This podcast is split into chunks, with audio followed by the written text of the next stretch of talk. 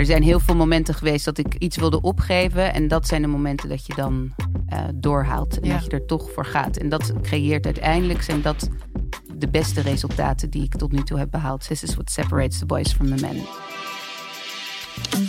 Welkom bij Powercast, een podcast van Harper's Bazaar, waarin we in gesprek gaan met leiders, creatieve denkers en entrepreneurs. We praten over persoonlijke successen, briljante mislukkingen en de kracht van intuïtie. Ik ben Miluska van het Lam, hoofdredacteur van Harper's Bazaar. En ik weet zeker dat hun ervaringen jou voorzien van een flinke dosis power bij het realiseren van jouw dromen. Bibi van der Velde, uh, jij bent kunstenaar, juwelenontwerper en entrepreneur. Je hebt Amsterdam net verruild voor Lissabon, waar je met je man en twee kinderen in de natuur bent gaan wonen. De natuur is eigenlijk in alles wat jij doet steeds jouw grote bron van inspiratie. Niet gek dus dat je ook het onderwerp duurzaamheid, uh, dat het nauw aan je hart ligt.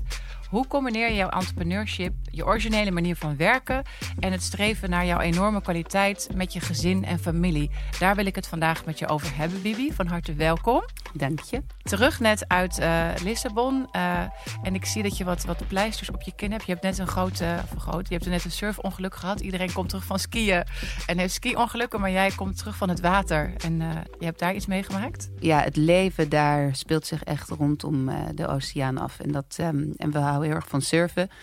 Ik ben er dus duidelijk nog niet heel erg goed in, want ik um, ben op het moment echt ongelukken aan het verzamelen. Maar ik heb twee zwaar gekneusde ribben. Dus oh, als jeetje. ik, dus als ik uh, wat um, heigerig klink, dan komt het daardoor.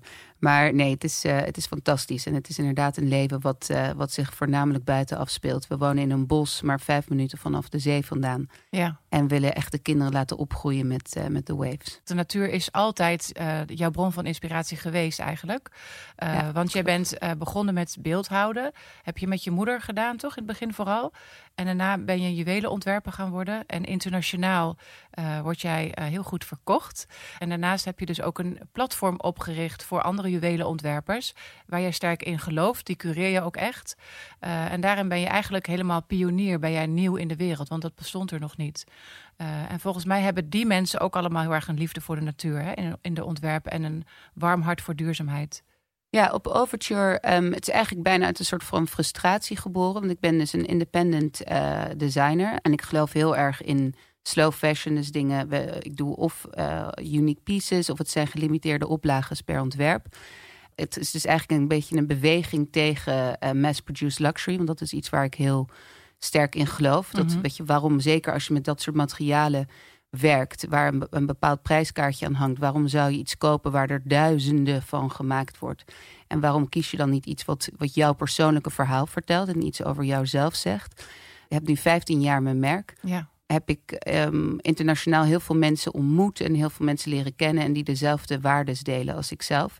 Dus het is een platform waar we uh, die mensen samenbrengen en echt iets, iets anders bieden. Dus het zijn kunstenaars die als medium um, juwelen hebben gekozen. Mhm. Mm -hmm. En dat brengen we samen op uh, Overture. We hebben nu um, iets meer dan 50 uh, uh, internationale ontwerpers. Mhm. Mm -hmm. En het zijn echt mensen die iets bijzonders ontwikkeld of ontworpen hebben. Dus die een nieuwe techniek uh, op de markt hebben gebracht. Of een heel duidelijk signatuur hebben. Het zijn allemaal de real McCoys, zeg ik altijd. Mm -hmm. Mensen kunnen juwelen kopen ook op jouw platform. Dus niet alleen maar dat je de mensen presenteert.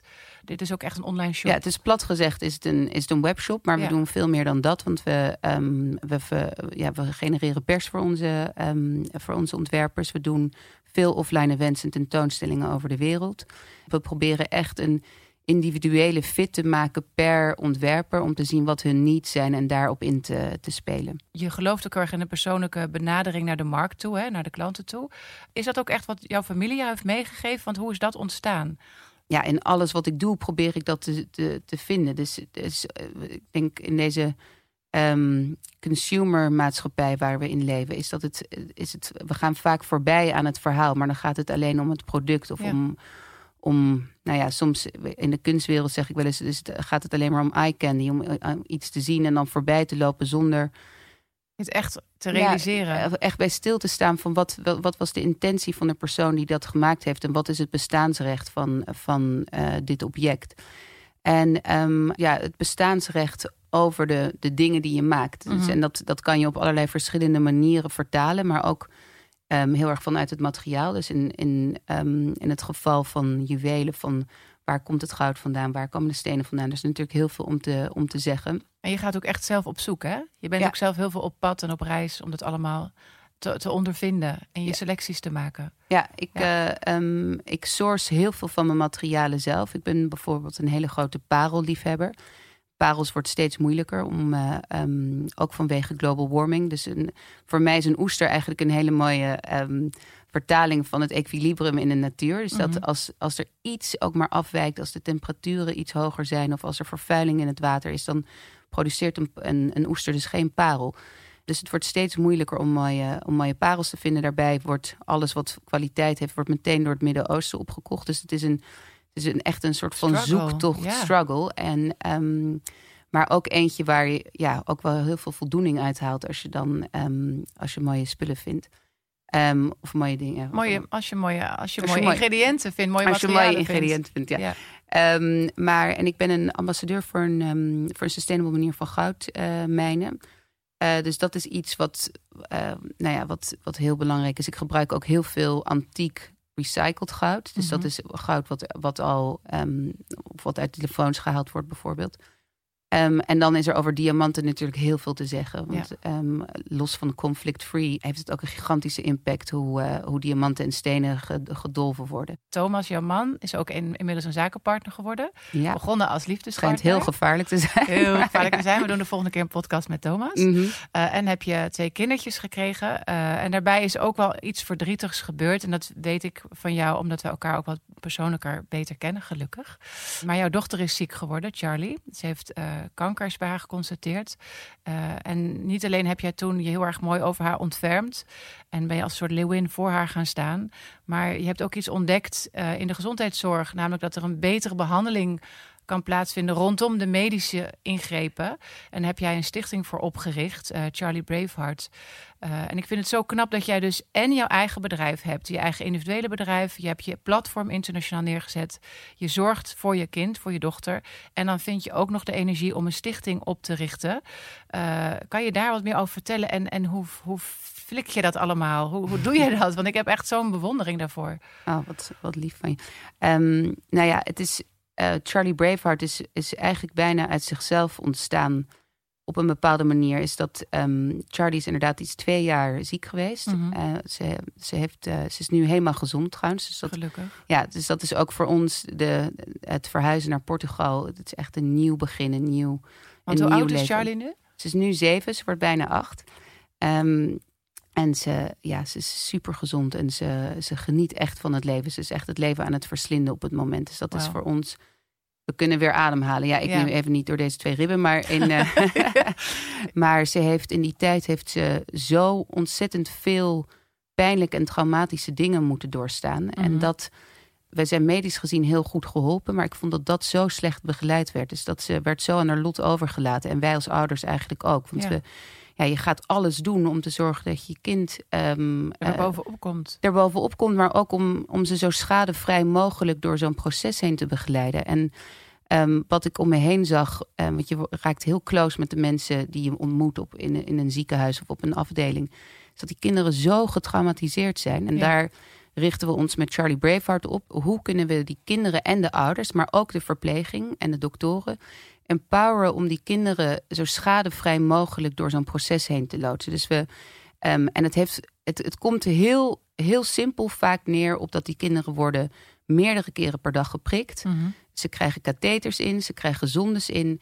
En dat is ongelooflijk traumatisch. En dat gebeurt totaal eh, zonder pijnverdoving of en zonder begeleiding. heftig. Dus ze worden psychisch niet voorbereid. Ze weten helemaal niet wat ze te wachten staat. Dus die kinderen die leven continu in angst. En hoe kun je dat En in stress. en in stress. Ja. En, en we weten dat je eh, zodra stress bij pijn komt kijken, dan wordt die pijn fysiek ook twintig keer zo, zo, zo Nog heftig groter, ervaren.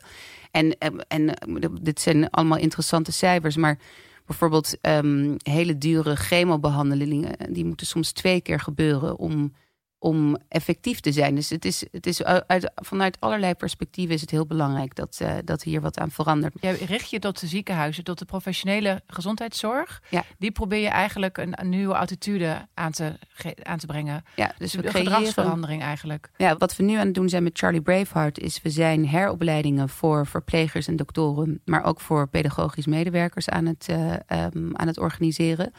Die creëren vervolgens een unit binnen het ziekenhuis. Mhm. Die dus deze methodiek hebben aangeleerd gekregen. En die ook de, uh, de technologie en de tools hebben om dit te kunnen toepassen. En um, vanuit die units worden er ook mensen binnen het ziekenhuis weer, weer oh, opgeleid. Dus het is dus een soort van olievlek. Ja, dus jij gaat coachen en opleiden. En je verwacht eigenlijk van die mensen dat ze het weer gaan doorgeven. Ja. En op die manier probeer je Nederland eigenlijk te veranderen in hun gedrag rondom de medische behandelingen? Nou, wat wel bijzonder is, is dat we, we hebben een. Want wij zijn natuurlijk niet dezelfde mensen die, die dit lesprogramma schrijven. Dus we, hebben, we hebben een, een team van 25 specialisten. Dat is een mix van um, anesthesisten, uh, oncologen, kinderartsen, psychologen. En die schrijven deze lesprogramma's. Maar we hebben een, een internationaal team van mensen over de hele wereld die hier al 15, 20, 30 jaar mee bezig zijn. En jarenlang tegen muren op hebben gelopen. En die hebben collectief besloten, we gaan Nederland als een pilot gebruiken. En vanuit mhm. daar gaan we het uitbreiden naar de rest van de wereld. Dus, Geweldig. Ja, het is echt het is vrij revolutionair, wat er, revolutionair. Uh, wat er gebeurt. En, en het goede is, is dat we hebben een tij mee. Want je merkt vanuit uh, de ziekenhuizen, vanuit de ouders, van nou ja, op allerlei verschillend gebied dat mensen hebben, hebben er genoeg van hoe het op deze manier gaat. Het voelt heel erg alsof je dit ook als een onderneming hebt gezien. Dus het is niet alleen maar dat je een goed doel aan het uh, beoefenen bent, maar je, je bedrijft dit, deze hele stichting als een onderneming. Uh, en dat doe je samen met jouw stiefvader, met de man van jouw moeder. Ja. Um, uh, en samen heb je dit opgepakt. Maar de grote vraag is denk ik wel, want eigenlijk kan het niet wat je doet. Namelijk twee bedrijven, een gezin en een stichting. Daar gaat het echte leven niet. En toch doe jij het. Maar hoe doe je het dan? Dat is denk ik een hele mooie les van jou om te delen. Uh, uh, want dat zet jou heel goed neer, vind ik, als een echt super powervrouw die toch nog heel familiair is. En tegelijkertijd geef je ermee ook een les voor andere mensen. Want je moet iets hebben gefixt, toch, dat je dit zo staande krijgt. Ja, ik denk, ik heb gewoon altijd alles heel gretig aangepakt. En het zo goed mogelijk proberen te, te doen. Maar de, ik denk dat de um, mijn drijfveer altijd mijn passie is geweest voor, voor wat ik doe. En, en dus ook voor de manier waarop ik het uh, waarop ik iets maak. Het is allemaal um, met een bepaalde soort van ambachtelijke manier probeer ik dingen aan te, te vliegen. Ja. Um, en toch, weet je, toch is het ook wel de valkuil van veel ondernemers. Als je echt iets vanuit een passie begint, lukt het niet iedereen om daar een bedrijf of een merk van te maken. En dat is jou twee keer heel goed gelukt. Sterker nog, allebei de merken zijn heel erg aan het groeien. Uh, en dan heb je ook de stichting nog gedaan. Heb je dan bijvoorbeeld dingen gelaten? Of heb je hulp gevraagd? Of, of hoe organiseer je dat ook gewoon organisa organisatorisch? Ja, ik denk, nou ja, de, de, de, het cliché van zorg dat je mensen om je heen hebt die dingen kunnen die jij niet kunt, dat het, dat, dat altijd heel belangrijk is. Dus in ons team hebben we, we over de jaren hebben we een heel goed team gebouwd met mensen die bepaalde dingen heel goed kunnen, wat ik, wat ik absoluut niet kan. Maar mhm. ik denk wat het allerbelangrijkste is, is dat je um, in het begin wilde ik me alleen maar op het creatieve richten en was ik helemaal niet bezig met de zakelijke kant van een bedrijf. Dat, dat werkt gewoon niet. Dus je moet voor je. Dus ik heb uiteindelijk het commerciële deel heb ik bijna een soort van spel van gemaakt. En ik, um, en ik ben heel. Um, competitief. wat, eh, wat uh, sommige mensen wat eh, heel irritant aan me vinden. Maar is dat op, op het moment dat je het op zo'n manier uh, um, aanvliegt, dan, dan wordt dat gedeelte er ook heel leuk van. Dus met vallen en opstaan, um, ja, je moet gewoon precies weten wat er binnen je bedrijf gebeurt. En vooral financieel. Je moet gewoon alle verschillende facetten van, van een bedrijf hebben. Daar moet je gewoon in zitten. En daar moet je voor jezelf iets leuks van maken. Want zodra je denkt van nou dat doet een ander wel. Een ander moet het wel doen, maar je moet wel het overzicht uh, blijven houden. Ja. En ik denk een van de dingen die ik altijd zeg is uh, op momenten, en dat heeft vooral creatief, um, zijn dat momenten waar ik van denk oké, okay, nu moeten we doorhalen. En this is, this is what separates the boys from the men. Dat, uh, um, er zijn heel veel momenten geweest dat ik niet, niet zozeer het, het, het ondernemen aan zich, maar iets wilde opgeven. En dat zijn de momenten dat je dan uh, doorhaalt. En dat je er toch voor gaat. En dat creëert uiteindelijk zijn dat de beste resultaten die ik tot nu toe heb behaald. Zijn op de momenten dat ik echt heb gedacht, nou, ik, ik ben nu twee jaar bezig om bijvoorbeeld gefossilized mammoth vanuit Siberië naar Nederland te halen. En ik weet niet hoe ik het moet importeren. Ik weet niet hoe ik het moet bewerken. Ik weet niet hoe ik het.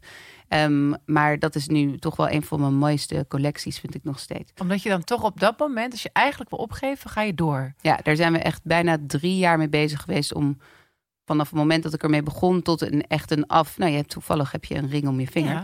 Ja, um, maar om, een, uh, om een stuk te krijgen wat ook echt verkoopbaar was. Dat is dan een zoektocht van drie jaar. Nou, er zijn echt wel momenten in, zo'n, in die drie jaar dat je denkt, ja, ik laat het. Maar, ja. um, maar dan dat zijn toch de momenten dat je, dat toch je moet doorzetten. Toch doorgezet. Hey, en mensen die uh, onder andere deze ring die ik nu om heb, maar ook jouw nieuwe collectie willen bewonderen, kunnen nog heel even naar de Hermitage volgens mij. Ja. Want daar heb je ook een samenwerking mee gehad. Want die heeft nu een hele mooie expo juwelen. En daar heb mm -hmm. jij een hele mooie bijdrage aan geleverd. Uh, gelukkig ben je ook nog in Amsterdam. Daar heb je je atelier nog steeds. Waarom heb je eigenlijk, als laatste vraag, waarom heb je Amsterdam aangehouden? Waarom kon je niet het hele boeltje verhuizen naar Portugal? Ja, we hebben hier over de afgelopen 15 jaar een heel, heel mooi bedrijf, denk ik, uh, opgezet. En uh, de mensen die voor ons werken, die zitten nog steeds in Amsterdam. En um, we hebben heel veel privéklanten. Want ik, ik, verkoop in principe niet aan, aan winkels in Amsterdam, maar wel, uh, we doen heel veel dingen in opdracht. En dan doen we ook nog evenementen en tentoonstellingen. Dus dat, um, nee, dat, dat blijft gewoon hier. En misschien breidt het zich wel een beetje uit op Portugal, maar vooralsnog is Portugal echt uh, leven surfen en ongelukken. En, um, ja. um, en de natuur. Ja, geweldig. Ik, ik kom je een keertje opzoeken in Portugal. Ja, en, ik, en ik beloof je dat ik de, dat ik de plank thuis laat. dat ik naar jou nee, ga kijken hoe jij alweer gevorderd bent. Uh, of ik zit hier de volgende keer ook met een pleister op mijn kin. Want dan, dan kan ik zeggen dat ik met jou gesurfd heb. Uh, maar dankjewel Bibi voor je openhartige gesprek. En uh, we blijven je allemaal volgen. Heel veel geluk en succes met alles wat je weer op gaat pakken. Dankjewel. Dankjewel. Dankjewel voor het luisteren naar deze Powercast. Je kunt deze en alle andere afleveringen terugvinden in je favoriete podcast-app. Wil je altijd up-to-date blijven? Volg ons dan via het magazine, via onze site harpersbazaar.nl, onze social media kanalen of tot ziens op een van onze events.